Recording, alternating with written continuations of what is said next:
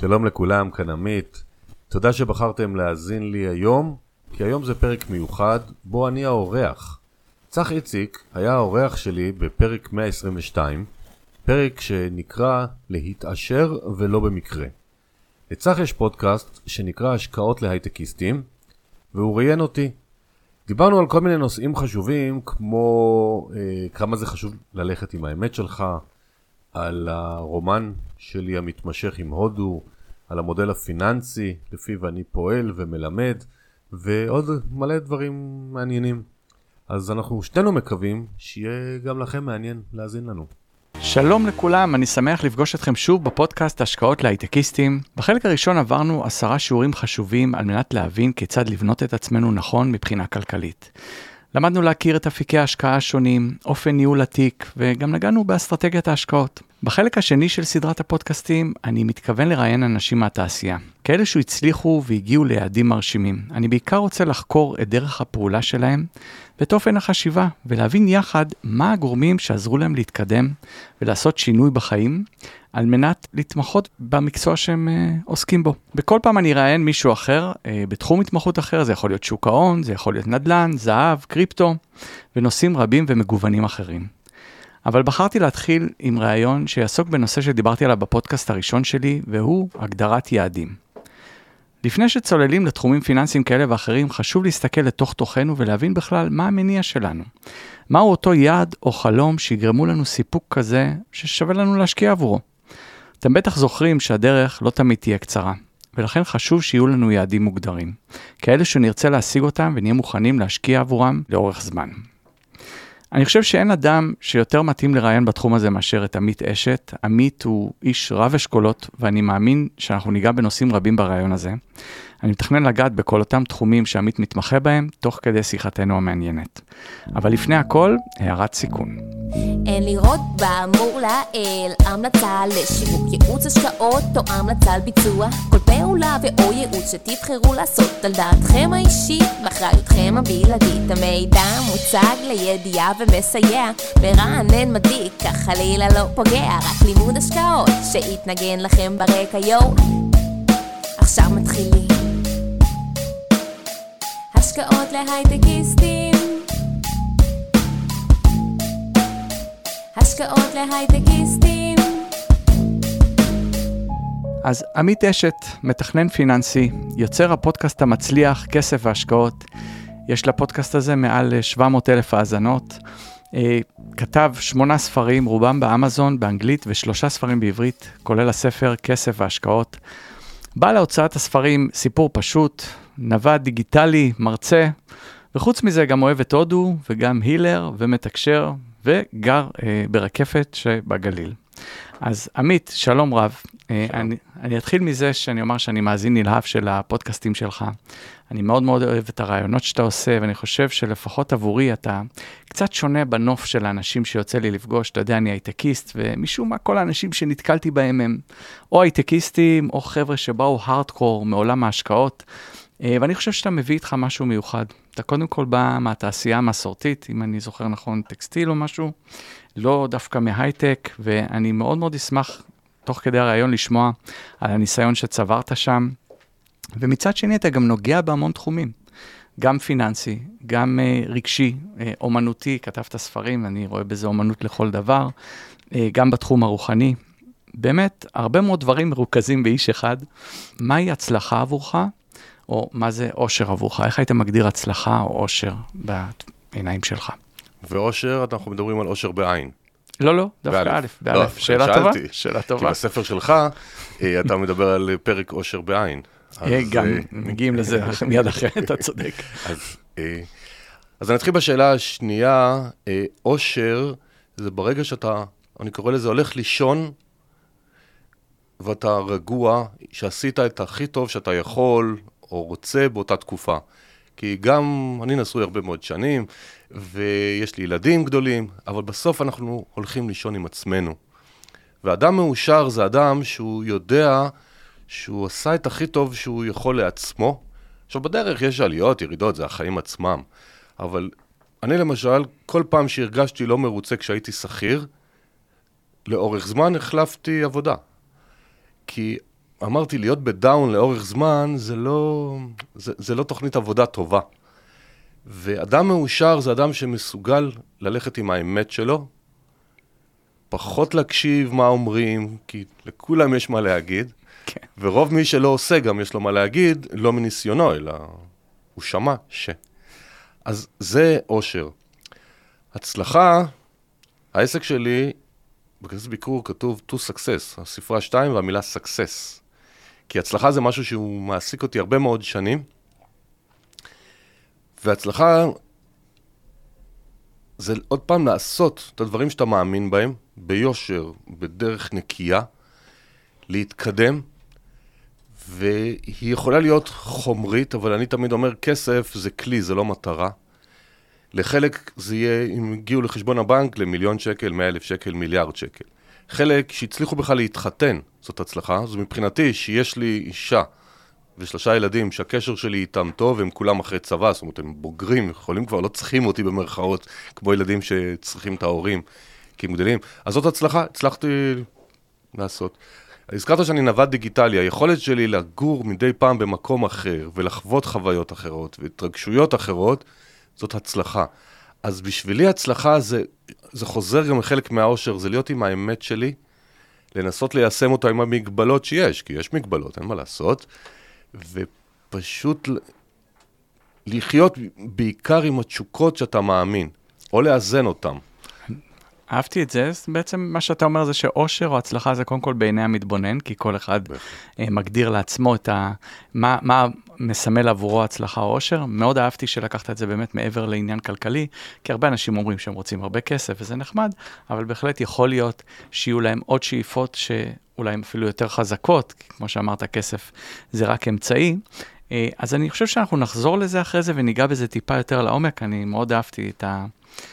ההגדרה שלך לזה, אבל באמת, אחרי הגדרה כל כך מוצלחת, אני אשמח אם באמת תשתף אותנו קצת ותספר לנו את הסיפור שלך, את סיפור החיים שלך, מי זה עמית אשת.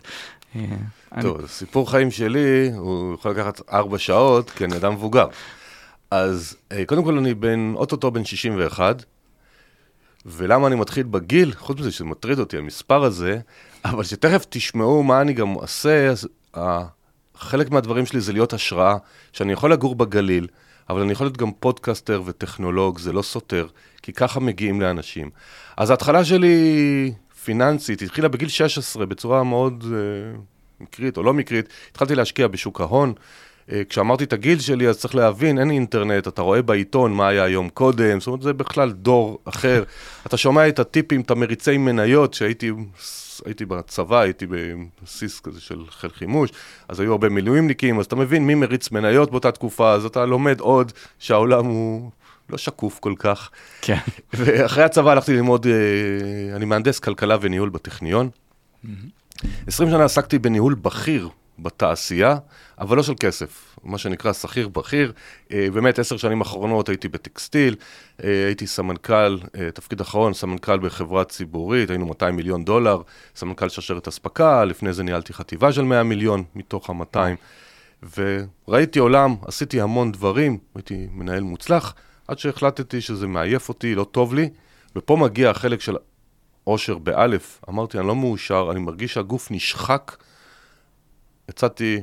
בן כמה היית? 46. בגיל 46, אוקיי. הייתי, יצאתי לשנתיים, הייתי בחצר, מה שנקרא, אני גר בגליל, ונסעתי לחו"ל להגשים חלומות, אושר, באלף. הלכתי לראות פעם ראשונה בחיים משחק של NBA, נסעתי עם אשתי ליפן, עם הבן הגדול לפני הגיוס, עשינו טיול לפני גיוס, או הייתי בחצר.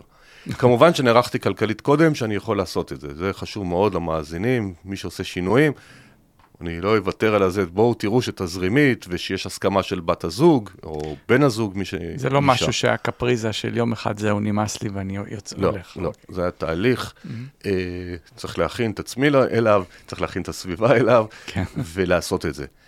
ואז מה שהחלטתי לעשות, אה, הבנתי שאנשים לא מבינים כלום בכסף, mm-hmm. ואני מדבר על אנשים עם רמות הכנסה כמו המאזינים שלך, רמות הכנסה גבוהות, אנשים אינטליגנטים מאוד, והחלטתי להיות uh, מתכנן פיננסי לפני שזה נכנס לישראל היום. זה היה בש... למ- למ- אני מדבר איתך על 2011-2012, למדתי מארצות הברית אה, דרך האינטרנט. מה זה ה-financial planner?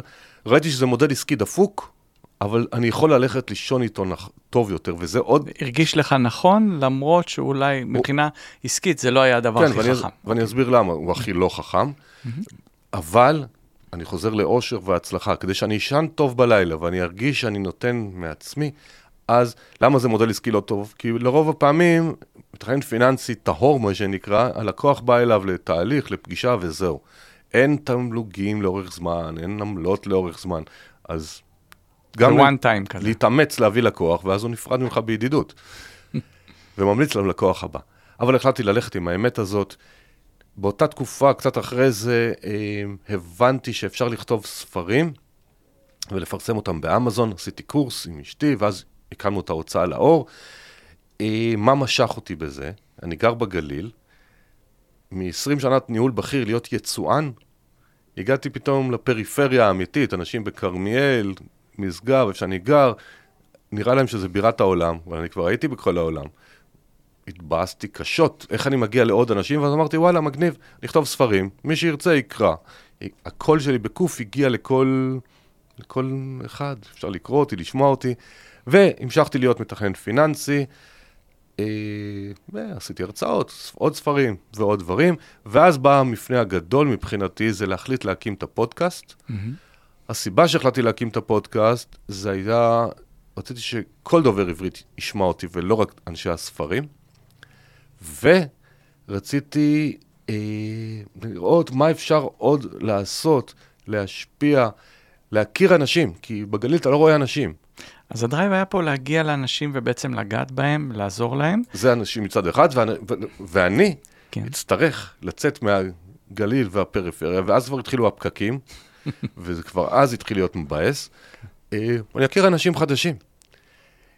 וזה מה שהוביל לפודקאסט, ואז גם כל השיווק נעשה יותר קל, וכל הדברים האחרים, אבל בעצם הדרך שלי הייתה אה, כזו, ומהפודקאסט יצאו עוד כל מיני דברים, זה, זה הרצאות, זה כנסים, זה דברים אחרים, אבל זאת הדרך שלי, כשבדרך אני תמיד השקעתי ברמה הפרטית, אה, שוק ההון, אה, אחרי המשבר, הנדל"ן, המשבר הכלכלי ב-2008, קצת נדל"ן, דברים אחרים, אז זה כבר ברמה מה האישית. אז קודם כל זה מסלול מאוד מאוד מעניין, וכמו שציינת, שהגיל, אתה קצת יותר אה, מבוגר אולי מה... הסלבים הטיפוסיים שהם מסתובבים, גם אני דרך אגב, אני חושב שצחקנו שאנחנו שנינו בני 20 פלוס, ופשוט ככל שהזמן עובר הפלוס גדל.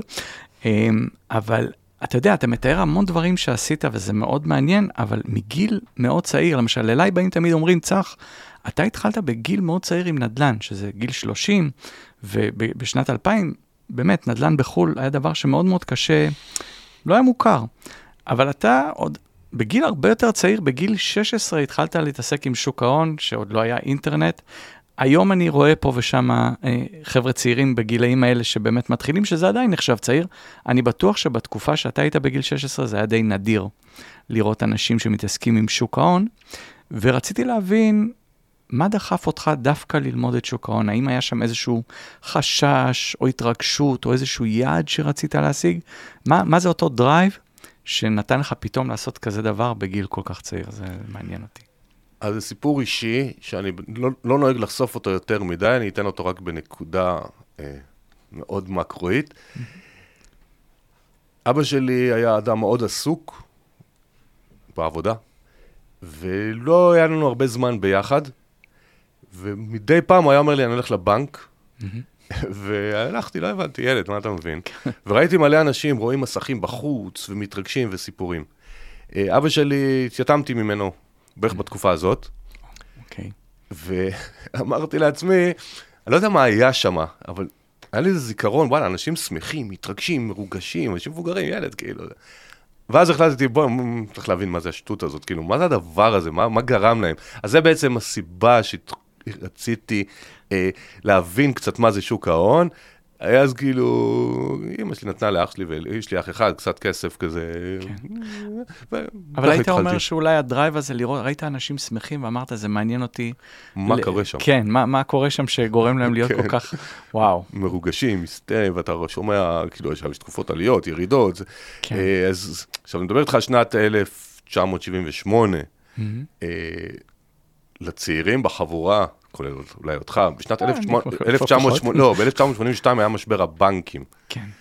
אז זה היה ארבע שנים לפני משבר הבנקים, זה היה בערך תחילת התקופה שהבנקים פמפמו רווחים ואנשים פמפמו כל יום עליות מחירים שלה. מטורפות, הם דחפו כסף בזול. בוא נגיד שכנראה מישהו מלמעלה אוהב אותי, אני לא נפגעתי במשבר מניות הבנקים, לא כאן איזה כזה גאון, פשוט האוטו הראשון שלי קניתי עם רווחים כמה ימים לפני, אז... אז לפעמים הייתה צריך גם קצת מזל. 90 אחוז מזל, 10 אחוז השאר והכל בסדר. אז זה, זה, זה משהו יפה, יפה. שדחף אותי. אז אני, אני אגע בזה אולי במקום טיפה אחר, כי הזכרת פה כמה נקודות מאוד מאוד חשובות. אז דווקא אתה, שהיה לך תפקיד בכיר, זה- אני חושב שזה אפילו עוד יותר קשה להתנתק, כי אם אתה עובד פשוט, שאתה יכול כל יומיים למצוא עבודה, אז אתה אומר, יאללה, אני עוזב וחוזר. ככל שאתה אה, עולה בדרגות, א', אתה מרגיש בר מזל, אה, לא כזה בטוח שתמצא מקום דומה, ומאוד מאוד קשה לעזוב. ודיברת על נקודה שבעיניי היא מאוד מאוד חשובה, אה, ללכת עם האמת שלך. אני נתקלתי לא מזמן באיזשהו סקר, שדי הפתיע אותי, לא הפתיע אותי, כי אני יודע שהרבה אנשים לא מרוצים במקום שהם נמצאים בו, אבל המספר הפתיע אותי, שמעל 90 אחוז לא מרגישים בנוח במקום שהם נמצאים בו, או היו רוצים לעזוב בשנים הקרובות, או, או לא מרוצים. ואני ציפיתי למספר כמו 10, 20 אחוז, 90 נשמע לי כמו הרבה מאוד. אפילו לגביי, אני חושב שדיברנו על זה, אני נשארתי המון שנים בהייטק, לא סבלתי, אבל זה לא בדיוק היה מקום שרציתי אה, להישאר בו, ובכל זאת נשארתי אה, הרבה שנים. אני חושב שהרבה אנשים צובעים את העולם בצבעים אה, שמונעים מהם לזוז. נוח להם להסתכל על זה בצורה אה, שמחשקת אותם. אז רציתי לשאול אותך, אה, מה זה אומר בשבילך ללכת עם האמת שלך? מה היית ממליץ לאנשים שאולי נמצאים במקום כזה לעשות באותו הקשר? אז קח רגע את המקרה הפרטי שלי ונעבור למקרו יותר.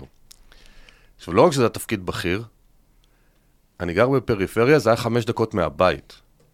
כלומר, זמן עבודה ברוטו ונטו היה אותו דבר. עכשיו, למצוא כל כך קרוב למקום כזה, אה, תפקיד כזה, הסיכויים הם ממש נמוכים. בתיאור אה, קורות חיים הארוכים שלי, לא ציינתי משהו שעכשיו אני רוצה אז להוסיף אותו. אני אדם שמאוד מאמין ברוחניות. עכשיו, מה זה רוחניות? כל אחד שיקח את זה למקום שלו. אה, אבל אני גם, אה, אני מהנדס, ואני גם הילר, ואני מתקשר, ואני עושה הרבה שעות הודו. אה, וללכת עם האמת שלך זה אומר שאתה לא יכול לרמות את עצמך לאורך זמן.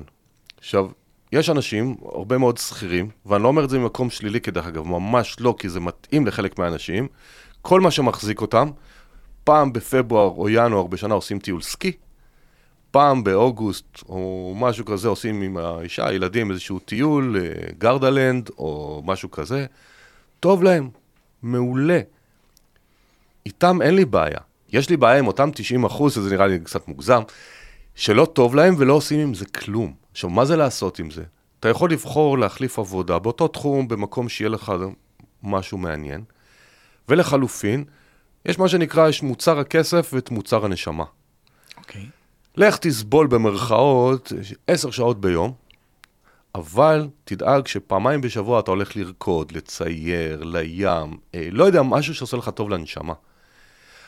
יש אנשים שהמדיטציה עושה להם טוב, תעשו מדיטציה. יש אנשים שהמון אנשים הרי הולכים לחדר כושר, אה, פתאום איש הברזל, איש המרתון. חלקם עושים את זה כי זה, זה בריחה. אני לא בטוח שזה כולם ממש כאלה ספורטאים. הם אומרים, טוב, נו, אני לפחות אברח מהמציאות שלי. כן. והדבר הכי חשוב, זה להקשיב לגוף גם. אני מאוד מאוד מאוד, בדרך הקשה למדתי. מתחילת שנות ה-30 שלי, למדתי להקשיב לגוף שלי, ותקשיבו לגוף, כי הגוף יודע מה. עכשיו, אם פתאום כל הזמן כואב לכם בגב, גב תחתון, זה פחד משינוי, או פחד מכסף הרבה פעמים. יכול להיות שכל הזמן תפוס לכם העורף, זה מתח, זה סטרס, וכל מיני דברים, כל אחד.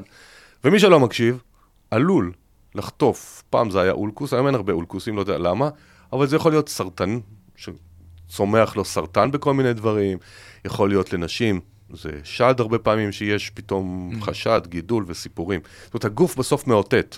כן. ומי שלא מקשיב גם לגוף שלו, יכול לחטוף. אז בקיצור, ההצעה שלי, אל תסבלו. ואם אתם היום מרוויחים 35,000 שקל ברוטו, ותרדו למשכורת של 29,000 ברוטו, ותהיו מאוש- מאושרים בסדרי גודל יותר, אז מה? אז יש לכם 2,000 שקל, בסוף זה נטו, 2,000 שקל פחות. כן. תעשו משהו אחר, תשלימו את הזה, או שתורידו את רמת החיים ב-2,000 שקל לחודש. אבל הדור, העולם הזה שהיום הוא קפיטליסטי, ואני מכניס, לה, מנסה להכניס גם רוח פנימה, פשוט כן. לאזן. איזון, זה שם המשחק. קודם כל, איזון זה תשובה נהדרת. אני חושב שענית לי כבר על שאלה נוספת, כי רציתי לשאול באמת אם כדאי... אה, אני אתן לך שתי דוגמאות ותגיד לי, זה כנראה אנחנו נדבר על אותו נושא, אבל זה מעניין. הרי הדור הקודם האמין בעבודה קשה עד הפנסיה, ואז מתחילים לבלות וליהנות, ואני חושב שרובנו הבנ- הבנו שכשאנחנו מגיעים כבר לגיל הזה, הרבה יותר קשה לבלות וליהנות כמו שאולי היינו רוצים. אה, לדוג... אה, מהצד השני, יש חבר'ה שאומרים, עזוב, אני לא רוצה עכשיו להשקיע או להתאמץ, בוא נחיה את היום. יולו, you only live once. אח שלי הוא דוגמה נהדרת לזה, למרות שהוא הצליח באופן יחסי, אבל הוא מוזיקאי, אה, גר בניו יורק, הוא, סביר להניח שאם הוא היה מחכה ובונה את עצמו עכשיו כלכלית 10 או 15 שנים, הוא לא היה מגיע אה, להיות מוזיקאי כפי שהוא הגיע אליו. אבל הוא באמת סיפור שיחסית הצליח, יש הרבה שבקושי שורדים, כלומר, הם בחרו במה שהם אוהבים, אבל הם לא באמת חיים, כי הם כל הזמן צריכים או לעבוד בעוד עבודה אה, בשביל אה, לשרוד. אז השאלה היא בעצם, מה המחיר או, או הרווח של ללכת אחרי האמת שלך, והאם היית באמת ממליץ לנסות לאזן, כמו שאמרת, ולשלב את זה, או קודם לעבוד ולהתאמץ, ואחרי זה, או הפוך, מה... קודם כל, השאלה מה זה להתאמץ, כי אני תמיד מזכיר, והפודקאסט שלך פונה בעיקר לאנשי הייטק, אז שאומרים שהם עובדים נורא קשה ומתאמצים, אני תמיד מזכיר לאנשים, אתם לא עובדים עם טוריה בחוץ, בשמש היוקדת, באפריקה ועודרים. זה נכון. אז בואו, לא, לא, זה חלק מהאיזון, בואו בוא ניכנס לפרופורציות. אוקיי. אני עבדתי, עוד פעם, זה לואו-טק, זה טקסטיל, היו לי אלפי עובדים מכל המגזרים, דרוזים, בדואים, אה, מוסלמים, יהודים וכולי, ולפעמים היו באים בטענות, הייתי אחראי על המון דברים, שבשניצלים היום היה יותר מדי סומסום. גם דברים כאלה שמעתי, אז אנשים לפעמים קצת מאבדים פרופורציות. אז כן. קודם כל בואו נתחיל ב- בלאזן גם בואו. גם את הציפיות, כאילו. לא, אתם לא עובדים בשמש ביוקדת עם טוריה, אז כנראה המצב שלכם לא כזה נורא. עכשיו, אין מה לעשות, צריך בסוף לחיות. כסף, כאילו, לגור, גם שכירות, משכנתה, לא משכנתה, לא משנה, צריך לחיות, אוכל, ילדים, פרנסה. אז אני לא אומר עכשיו בואו נהיה תמימים. אני אומר, אנחנו צריכים לאזן. בנוסף, תוחלת החיים מאוד עולה. כן. אנשים נכנסים למעגל העבודה מוקדם יותר, בתחום ההייטק חלקם נפלטים מוקדם יותר מגילאי הפנסיה הרשמיים, אז אם נעשה את זה סכמטי, נכנסים למעגל העבודה בגיל 30, נפלטים בגיל 60, תוחלת החיים תגיע לגיל 90. כלומר, אנחנו 30 שנה עובדים וצריכים לחיות 60 שנה, כלומר, כל שנה שאני עובד, אני צריך לעבוד בשביל שנתיים, שנה של היום, ושנה שאני אהיה בלי עבודה. בפנסיה או בפרישה, אז כן. אי אפשר להתעלם ממספרים. לא, לא, לא, אני לא מטיף ל... תעשו רק מה שטוב לכם, שאנטי בנטי תהיו בים. לא, אני להפך, אני אומר, אותם אנשי הייטק, שהיום מרוויחים יפה, תחשבו גם על המחר, מה זה אומר? תשקיעו. נדל"ן זה מפחיד אתכם, שוק ההון. שוק ההון מפחיד אתכם, לכו לנדל"ן. שניהם מפחידים אתכם, לכו לקריפטו. קריפטו מפחיד אתכם, לכו ל... אני לא יודע, כאילו, כרגע, מה עוד... כן, יש מספיק דברים. להשקיע בהם. לא, אני אומר, יש כן. מיליון. כן.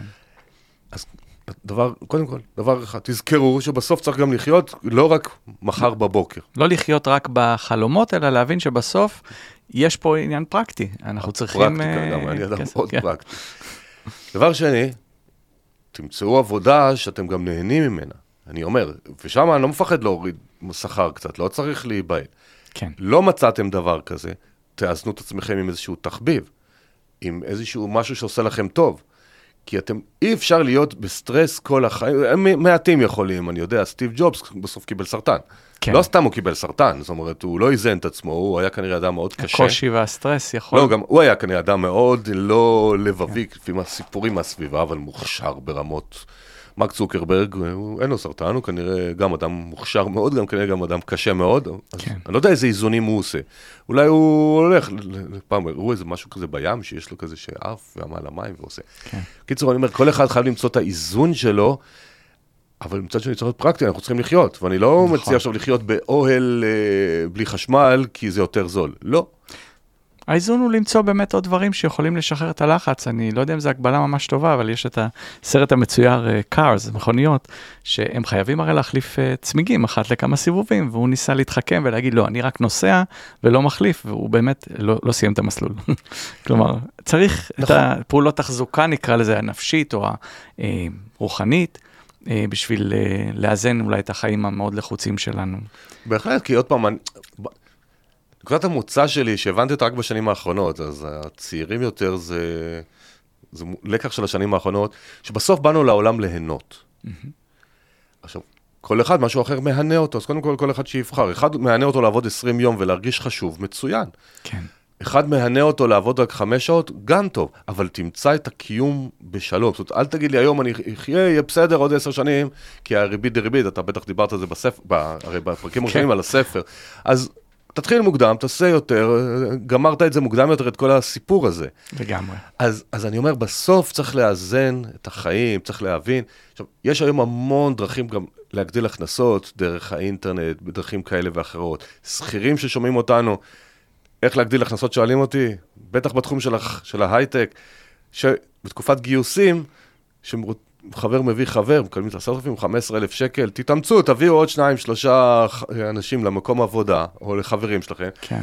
הגדלת הכנסות בלי לעבוד קשה מדי. זאת אומרת, אפשר לגעת בזה האמת, אם אתה רוצה. יש לי, אה, ככה, אנחנו הרי דיברנו, כל, יחסית, בספר שלי וגם שלך, אנחנו מדברים על דברים די דומים, כי זה די ברור שאם אני רוצה להתפתח כלכלית, אני צריך אה, לחסוך כסף ולהשקיע אותו. ואפשר לעשות את זה בשני אופנים, או להקטין הוצאות או להגדיל הכנסות. אני מאמין מאוד בשניהם, אבל אני חייב לומר שאני התמקדתי קצת יותר ב, בהורדת ההוצאות. ואני מאוד עניין אותי אה, לראות גם בספר שלך, שאתה מדבר באמת על הגדלת ההכנסות, על מושג מאוד מאוד חשוב שנקרא תודעת שפע. אז אולי בכמה מילים, תגיד באמת מה דעתך על הנושא הזה של העלאת הכנסות, ואם תוכל לתת איזה דוגמה או שתיים בהקשר הזה. אז קודם כל, אני מדבר רק על הגדלת הכנסות. לא כי צמצום הוצאות הוא לא חשוב, אבל הצמצום הוצאות הוא סופי. אני בסוף צריך לגור איפשהו, צריך לאכול משהו.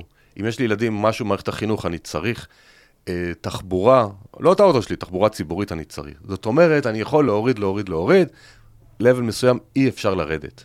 ולכן אני אומר, זה בסיס, להתחיל איתו, אה, להבין קצת mindset, איך לנהל תזרים של הבית, אבל זה, משם לא יבוא המפנה. כן. המפנה יבוא אם אני אדע להגדיל הכנסות. עכשיו, זה יכול להיות שכיר שהוא מעצב גרפי, UI, UX מומחה ב- כשכיר. לך ל Fiverr, תפתח ב Fiverr אה, gig כזה או אחר, וזה לא חמישה דולר כבר, זהו, נגמרו הימים של כן, החמישה דולר. שה- אפשר כל סכום שאתם רוצים, או Upwork, שזה, שתי, אני משתמש בשתי הפלטפורמות האלה לעסקים שלי, כ- כ- כ user, לא, אין, אני לא שם. תציעו עוד שירותים. אה, אתה יודע לכתוב יפה? תציע את עצמך ככותב פוסטים, כותב בלוגים וכולי. אתה סטודנט, הבת שלי סטודנטית, במקום להוציא כסף החוצה, אני נותן לה סרטונים שלי, היא כותבת לי כתוביות, עורכת, מוציאה לי את הכתוביות כקובץ וורד, היא כבר מכירה את התוכן, עורכת את זה, מעלה לי את זה לבלוג. אז אני משלם כן. לה במקום לשלם למישהו בחוץ, כאילו, עד שהיא תסיים את הלימודים. אה, אפיליאציות, יש מיליארד אפיליאציות, אם זה בתחום הנדל"ן שאתה עוסק בו, שהוא ידוע, תביא חבר, תקבל, אם זה תחום, כמו שאמרתי, שכיר יכול להביא אה, אנשים. אני מחלק בגדול אבל את עולם שלושת הגדלת ההכנסות, יש לי במדריך באתר, נעשה לעצמי פרסומת, יש שלוש משפחות. משפחה, הגדלת הכנסות תלוית זמן, כל אותם שמ- אלה שמחייכים ומזלזלים בדוגי ווקר שאתם רואים אותו, הוא עושה יותר כסף מכם בפחות עבודה, עושה אלפי יש שקלים. סיפור על מישהי שהפכה להיות ממש עשירה בארצות הברית, מה מה לא, גם בארץ, הסיפור זה, הזה? זה יכול להיות לך בין 4,000 ל-6,000 שקל לחודש, על שני סיבובים ביום, של 20 דקות ביום. אתה גם. עושה ספורט וגם זה. יש הגדלת הכנסות דרך השקעות, לא משנה איזה, ויש הגדלת הכנסות דרך, תבנה לעצמך פעם אחת נכס שיניב לך, זה נכס דיגיטלי כזה או אחר, ספר כזה או אחר, אה, קורס דיגיטלי כזה או אחר, לא משנה מה, אתה משקיע זמן, וזה מכניס, מגדיל לך הכנסות. יפה זה- מאוד, זה שלושת ממש יפה המשפחות. ש... אני חושב שכבר נגעת בזה, כי באמת שקראתי בספר, אה, דיברנו, קודם כל, מאוד מאוד חשוב, כמו שאמרנו, להגדיר יעדים אה, על מנת להגיע לאן שאנחנו רוצים, ואתה הגדרת איזשהו מודל של ארבעה שלבים, שאחד מהם הוא באמת אה, הגדלת הכנסות, אז אולי במילה שתיים אה, תיתן לנו overview על, ה- על המודל הזה, וככה תוכל לחבר אנשים למה שהם באמת שואפים אליו. אז המודל שלי נקרא מהנה, מלשון הנאה, ומהנה בגימטריה זה 100, לאנשי המספרים, אז אין סיבה לא ליהנות אם הכל 100. אה, מהנה זה ראשי תיבות, mindset ותודעת שפע, הגדלת הכנסות, ניהול הכסף ותכנון פיננסי והשקעות. אני טוען שכל אדם, לא משנה באיזה שלב הוא בחיים ובאיזה גיל, הוא, זאת ספירלה אינסופית שכל אחד מאיתנו תקוע במקום אחר. והוא יכול לטפל בהם. אז למשל mindset ותודעת שפע, יש אנשים שמאמינים שצריך לעבוד מאוד קשה כדי להרוויח כסף. אתה האמנת בזה עד גיל מסוים, שינית את הנוסחה ואתה אומר וואלה, שיניתי. יש המון אמונות מגבילות, אנחנו חלקם גדלים איתם מהבית, חלקם מהחיים, חלקם מהשכנים, וחלקם אנחנו מספרים לעצמנו סיפורים. אז ככל שנצליח להסיר אמונות מגבילות וחסמים, כסף לא גדל על העצים למשל, יש לי סרטון בערוץ יוטיוב שלי שאני אומר שזאת שטות מוחלטת, כי כסף כן גדל על העצים, כי יש היום השקעות שמשקיעים ביערות שמיועדים לכריתה. זה לא, ממש זה, זה אמיתי, לא, זה, אני אומר לך, זה אמיתי. אוקיי. אז זה שטות, לימדו אותנו. וכשהיינו בכיתה ג', הלכנו בבית ספר לט"ו בשבט, המורה אמרה לנו, בעוד 20 שנה תראו את העץ שלנו גדל. כן. שתנו שתיל, הנה, אז עצים גדלים, אז כסף כן גדל, אם אתה יודע מה לעשות עם הכסף. אז זה תודעת שפע mindset. הגדלת הכנסות, עכשיו דיברנו על זה. דיברנו, כן. ככל שאני אגדיל יותר את ההכנסות, ולא משנה באיזה דרך, אני אגיע להיות שלב מוקדם יותר לשלב שאני יכול לבחור מה לעשות, וזה האיזון. ניהול הכסף ותכנון פיננסי, האם אנחנו יודעים כמה כסף יוצא לנו מהבית ואיפה? האם אנחנו יודעים כמה דמי ניהול אנחנו משלמים? האם אנחנו יודעים מה אנחנו רוצים? האם אנחנו רוצים לעזור, למי שיש לו ילדים, לעזור לילדים בלימודים באקדמיה? כן. ואז כשבא אליי לקוח, אני אומר לו, בוא נפרק את זה. שלוש רמות לימודים באקדמיה. שכר לימוד, שכר לימוד ושכר דירה, שכר לימוד, שכר דירה ודמי מחיה כלשהם. כן. שכר לימוד, שכר דירה, איך שלא מסתכלים על זה, ודירה בפריפריה, לא בתל אביב, ועם, או עם שותפים, 100-150 אלף שקל לילד לתואר. כן. שלושה ילדים, חצי מיליון שקל. צריך להיערך לזה, זה לא... לגמרי. ובר מצווה, בת מצווה, זה... אז פה כאלה. בעצם השלב של התכנון. אני רוצה להיות יותר מדויק. והניהול של הכסף. כן. באיזה... האם אני היום בן 28, נכנסתי למקום עבודה, ואבא שלי אמר, תשים את הקרן שלמות שלך במסלול אג"ח 85 אחוז, כי אני הפסדתי במשבר הבנקים. אבל אתה בן 28, אז אולי מתאים לך, אולי, כן. מסלול מניות, ובגיל 50 תקטין סיכון, וכולי. זה ניהול. בוא ננהל. אז כל התורה של איך אני בעצם מסתכל על הדברים אולי בצורה קצת אחרת, אה, יודע אה, להרוויח אה, כסף מסוים, שאיתו אני אוכל להתנהל נכון, להשקיע ולהגיע אז, רחוק אז, יותר. אז ההי של המהנה זה ההשקעות, למה? כן. פתחתי את התודעת שפע שאני מוכן לצמוח כלכלית. מהמם. הגדלתי את ההכנסות, ניהלתי את הכסף שלנו, התפנה לי המון כסף, אוקיי. משקיעים. יפה מאוד. האמת שדווקא מה שהתחלת איתו נגע בי באיזשהו מקום שהייתי בהייטק והייתי כולי, אתה יודע, פיתחתי קריירה ורציתי לנסוע עם חבר להודו. ונורא הלחיץ אותי לנסוע פתאום, לעזוב הכל לחצי שנה, והוא אמר לי, תצח, העתיד שלך הוא מה שאתה תקבע. אם אנחנו נחליט מחר שאנחנו נוסעים להודו, עזוב אותך מכל הסיפורים, בוא ניסע.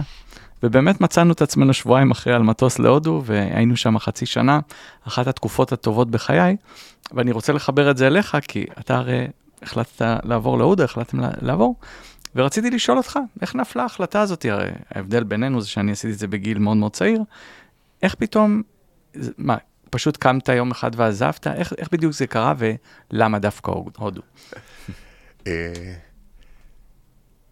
זה התחיל כשחזרתי עם אשתי מטיול 30 שנות נישואים בקוסטה ריקה, במטוס, בדרך חזרה, כשהיינו שנינו מאושרים מאוד. אמרתי לה, את זוכרת שאמרתי לך פעם שאני רוצה לנסוע להודו? עכשיו זה הזמן לנסוע להודו. אמרה לי, לא רוצה הודו. אמרתי אני נוסע. אמר לי, סע, תהיה בריא. אבל למה, למה זה נולד? הייתי אז אה, בן כ-55, קצת לפני, כי את ה-55 עשיתי על הר לבד בהודו. וואו. זה היה 54 וחצי בערך. הלכתי לכל מיני חברים, בגילי קצת יותר ופחות, ושאלתי אותם שאלה נורא פשוטה. ואני מציע לכל מאזין עכשיו לשאול את, עצמו את השאלה הזאת. מתי התרגשתם פעם אחרונה על עצמכם? לא שהילד קיבל רישיון נהיגה, לא שהילד אה, השתחרר לצבא, סיים צבא, קיבל צבא, התגייס לצבא. כן. לא שהילדה הפסיקה אה, להרטיב, לא יודע, כל אחד עם הסיפורים שלו. הסתכלו עליי כולם, ולא יוצא מהכלל, במבט, תגיד לי, אתה מפגר? ברור שמזמן. ברור שמזמן לא התרגשנו. כאילו זה, זה בסדר לא להתרגש. לא, זה להתרגש, בס... לא, אתה מתרגש. מתרגש, אבל לא... אבל הילד ש... קיבל רישיון נהיגה, הילד גמר את הצבא, הילד התגייס, הילד גמר את התיכון, הילד נכנס לכיתה י', אה, כן. פתאום אני אמרתי, המשחק הזה לא מוצא חן בעיניי. עכשיו, כמו שאמרתי, אני הילר ומתקשר. כן. שנים אמרתי, אני רוצה לדע, להיות באשרם. את האמת, עד שלא נכנסתי לאשרם פעם ראשונה, לא ידעתי מה זה אשרם. כי אה, עשיתי איזה מסלול והגעתי לאשרם של אמה המחבקת, מי שמכיר, אישה מאוד מיוחדת בהודו. עכשיו, נסעתי לתשעה שבועות לבד, אשתי לא רצה לבוא איתי, עם תרמיל של הבן שלי, mm-hmm. טיול אחרי צבא. דרום הודו, לא אזור מתויר, אה, כי הוא, די משעמם בגדול, אבל הוא אזור מאוד רוחני. Okay. אני אוקיי. רציתי להכיר את המקום שהולכים יחפים, אוכלים בידיים, והאנשים היותר רוחניים. ומה שקרה בנסיעה הזאת, אה, הכרתי מורה רוחני שחיפשתי לעצמי, כהגדרה חיפשתי, ובדרך לא דרך הכרתי. עשה לי שינוי מאוד טוב, ואז נסעתי הרבה פעמים להודו, לבד, אשתי לא רצתה, עד שיום בהיר, 1 יולי 19, חזרתי מהודו, ואמרתי לגברת יקרה, אני עובר לגור בהודו, וואו. עכשיו, או שאת באה איתי, או שאני בא יותר לארץ. זאת אומרת, הכל, הכל בסדר. זה ממש צעד דרמטי, זה כבר לא טיול לאיזה שבוע-שבועיים, זה לעבור להודו, כן, לגור כן. ב... וואו. אמרה לי בחוכמתה, פה תיקח אותי, תראה לי, ואני אחליט, אני לא יודעת. אז עשיתי לה טיול שיווק, הראיתי לה את החברים שלי, הראיתי לה את המקום שאני רוצה לגור, בעיר בשם בנגלור, אתם אנשי הייטק מכירים את העיר הזאת בטח, כי יש הרבה הייטק בבנגלור. ומפה לשם עברנו לגור, הספקנו חמישה חודשים, באה הקורונה, חזרנו בטיסה המסחרית האחרונה, 21 למרץ. דלי, מי שמכיר את השדה תעופה נטוש, אנחנו וואו. טיסה יחידה. מטורף. אה, חז, חזרה לישראל, אנשים דתיים, זה היה שבת, טסו, כי זה היה... אה, זו הייתה טיסה אחרונה ממש, לפני, וואו. אחרי זה שלחו עוד כמה טיסות חילוץ, כן. אבל בהגדרה, וואו. היא הייתה האחרונה. אה, והודו ומאז כאילו, כן, כי יש שם משהו, ואני כאדם שמשלב עולמות חומר רוח, יש המון מה ללמוד. מהאושר באלף של הומלס שישן ברחוב, מתרחץ בשלוליות, ואתה ראית את זה. אבל העיניים שלו מחייכות, הוא לא מודאג כמו שאנחנו מודאגים. יש משהו באווירה שמה שקשה מאוד לתאר את זה. זה ברמה של... זה באוויר פשוט, זה לא... אז ההינדים וכולי, זה נקרא מושג של detachment, לא להיאחז. אני אחרי כל נסיעה מהודו, הייתי מגיע הביתה, מוציא ספרים שאנחנו כבר לא רואים, רואה רהיט אולי שכבר אני רגיל לראות אותו, אבל הוא, מפ... הוא פתאום מפריע לי. כן. כאילו, לא להיצמד לדברים. הנוודות דיגיטלית שלי התחילה מזה ההמשך. אני לא נצמד למיטה שלי, לטלוויזיה שלי, לחצר שלי, והכל טוב, יש לנו כן. בית יפה, חצר יפה, הכל טוב. אבל לא להיצמד, לא להיצמד למקום עבודה אם הוא כבר לא טוב לך. לא להיצמד לבן בת זוג אם הוא כבר לא טוב לכם. זאת אומרת, לא תמיד לא אומרים, תמיד אומרים ש... כוס יין יכול להיות דבר נורא נהדר, אבל כשאתה נצמד ושותה בקבוקים שלמים של יין, אתה הופך להיות אלכוהוליסט. אז הרעיון הזה הוא מאוד מאוד חשוב באמת, שלא להיות יותר מדי uh, uh, attached, כי אז, אז בעצם אם משהו קורה לדבר הזה, אתה, פתאום זה משפיע על המצב רוח שלך, ובעצם פוגם באושר. ודיברתי עם איזה מורה רוחני שהיה לי פעם, הוא ישראלי דווקא, mm-hmm. ואמר לי שפעם, לפני שהוא היה נכנס לאירוע עם אנשים, לא נוח לו עם אנשים, גם אני, אני לא נטוורקינג גדול. הוא היה לו שותה, להיכנס לאווירה, כן. ואז היה לו קל. ואז יום בהיר אחד הוא אמר לעצמו, יא דביל, מה, אתה צריך את השתייה בשביל להיכנס לזה? בוא תיכנס לראש בלי השתייה. והוא הפסיק לשתות לפני האירוע, הוא אוהב לשתות בקטנה, אבל לא כדי שעכשיו יהיה לי קל לעשות. זה mindset, זה תודעה. תשמע, זה, זה בדיוק העניין, אנחנו לקראת סיום, ואני באמת רואה, כמו שאמרתי מההתחלה, אתה עושה המון המון דברים ומתנסה, ו... בעיניי זה ממש מקסים. אני חושב שאנשים יכולים לחוות הרבה מאוד אם הם יפרצו את המחסומים של עצמם ויתנסו בתחומים שאולי היה מעניין אותם, אה, והם לא מעיזים. והייתי רוצה לשאול אותך ככה, ממש במילה, מה הדבר הבא? יש לך כבר איזה משהו שאתה חושב עליו הלאה, או שזה כרגע עוד לא, אתה בין לבין ומתלבט אה, מה לעשות הלאה? אז אצלי תמיד יש מה רעיונות, שאלה מה אני, יש לי מרץ ליישם, אבל כן. אחרי שראיתי את השינוי הדרמטי שהפודקאסט אה, שלי, כי גם פה היה קצת מזל שהייתי טיפה לפני ההצפה, אז הצלחתי לאסוף אנשים שעוקבים אחריי, אה, ועשיתי כמה כנסים. מהמם, השנה עשיתי כמה כנסים פרונטליים. אה, ותמיד שואלים אותי למה. אני אומר, למה? לא יודע, אני בדיעבד מבין, מראש אני לא מבין. הבנתי מה שקרה בכנסים האלה, ועשיתי שלושה, שניים בבית ציוני אמריקה ואחד בבאר שבע. במצטבר היו איזה אלף איש שהגיעו, זאת אומרת, חלקם אותם אנשים, אבל כמותית, אתה היית באחד מהם, באחרון נכון, שעשיתי. היה מצוין. מה שראיתי שם, שאנשים מחפשים גם ידע וגם קהילה. עכשיו, קבוצת פייסבוק, יש גם לי ויש מלא קבוצות פייסבוק, זה לא ממש קהילה, כי אתה לא מרגיש אינטימיות. אתה, תמיד יש אותם אנשים שעונים, תמיד יש אותם שאלות, סבבה לגמרי. אז אני החלטתי שאני הולך לייצר מועדון סגור משלמים, יקבלו גם ידע וגם קהילתיות, וככה הם יוכלו לצמוח לפי המודל מהנה שדיברנו עליו, כי כל אחד צריך משהו אחר. אז הם יקבלו נגיעות במה שהם צריכים, והם יפרצו את הגבולות של עצמם, ויחיו חיים טובים יותר. יפה מאוד. אז אני אסיים בשאלה האחרונה, שאתה תמיד שואל בראיונות שלך, ואני ממש התאהבתי בזה. שלושה טיפים פרקטיים לחיים אה, לשילוב. אולי בקטע שלך יש לך גם חלק כלכלי, גם רוחני, אז תן את השלושה טיפים הכי משמעותיים שאתה חושב שהמאזינים ישמחו לשמוע. לא יודע אם ישמחו, אני אגיד. כן. אז קודם כל, אה, אני חושב הכי חשוב זה להיות עם האמת שלכם. נוח מאוד ללכת עם העדר, וגם בעולם ההשקעות, כשכולם הלכו לקריפטו היה נורא קל, כשכולם הלכו לנדל"ן בישראל היה קל, כשכולם הולכים לנדל"ן בחו"ל נורא קל. מה קל? כי כולם עושים, אז זה כנראה נכון. אז אם כולם עושים זה לא אומר שזה נכון, זה אומר תבחנו לעצמכם מה נכון. דבר ראשון, לכו עם האמת שלכם. דבר שני, כאדם שחי בזוגיות טובה הרבה מאוד שנים, לכל מי שיש לו בן, בת זוג, תשמרו על זה, זה לא טריוויאלי. אל תקלקלו יחסים בשביל כסף. כסף זה כלי, זה לא מטרה. ואם אחד מבני הזוג רוצה להשקיע ואחד חושש, יש דרכים למצוא את עמק השווה. אני בטוח שאתה עוזר ללקוחות שלך למצוא את עמק השווה, אני עוזר, ואחרים. כי אפשר למצוא. בסוף זה אף פעם לא רק אחד מבני הזוג, זה באמת תא משפחתי. אז אני אומר, מי שבזוגיות שהוא מרגיש שהיא טובה לו, כי אמרנו בשלב הראשון, לכו עם האמת, אם הזוגיות לא טובה, תיפרדו. אבל אם עכשיו אתם הגעתם למסקנה שזה הבן זוג, בת זוג שמתאימה לי, מתאים לי, אבל יש חריקות, אז זה בסדר, אז אפשר להתפשר. והדבר השלישי, כסף זה כלי ולא מטרה, אבל הוא אחלה כלי. הוא אפשר לך לעשות דברים שאתה מאמין בהם, לנגן וליצור. הוא מאפשר לי להיות נווד דיגיטלי ולהחליט אם בא לי לעבוד או לא בא לי לעבוד. ועכשיו אני החלטתי להקים מועדון, אז אני כמה חודשים סגרתי את הייעוץ האישי, שהוא הכי כלכלי, הכי רווחי והכי קל, מקצועית. כן. ועסקית. לא, אני רוצה ללכת עם האמת שלי, אז אני רוצה להיות ממוקד במה שאני עושה.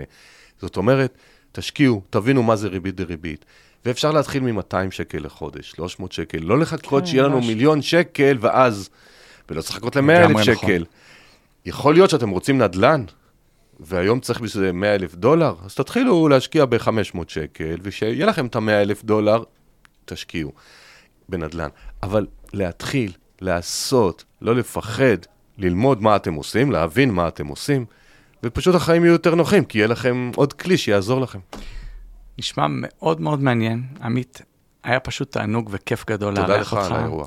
אני רוצה להודות לך בשם המאזינים על התכנים שאתה מעניק, וכמו שכבר ציינת, הכנסים מעניינים מאוד שאתה אה, מקים, הייתי באחד מהם, הפודקאסט המצליח שלך, ויש לך גם ספר, שניהם באותו שם, כסף והשקעות. זה גם המקום לומר שיצאנו במבצע לשבוע או חודש הספר. אנחנו חודש. חודש, כן, חודש הספר, אה, וניתן לקבל את הספר שלך, כסף ההשקעות, ואת שלי, אה, להתעשר ולא במקרה, יחד, אה, במחיר מבצע של 133 שקלים, שזה הרבה יותר נמוך. כולל ממה ש- שליח עד הבית. כן, שזה באמת אה, נראה לי הזדמנות טובה מאוד למי שמתעניין. ואני באמת חושב שמה שיפה, אני כבר אמרתי את זה, זה העובדה שאתה יודע להמציא את עצמך מחדש כל הזמן, ולפרוץ עוד גבולות ועוד תקרות זכוכית. ואני חושב שההתמדה הזאת והדרייב, לא לעצור אף פעם, זה מה שהופך את החיים למעניינים, אה, והופך אותך להשראה עבור רבים אה, אחרים. אז אני רוצה לאחל לך בה- בהצלחה, גם בעשייה הנוכחית וגם בעתיד.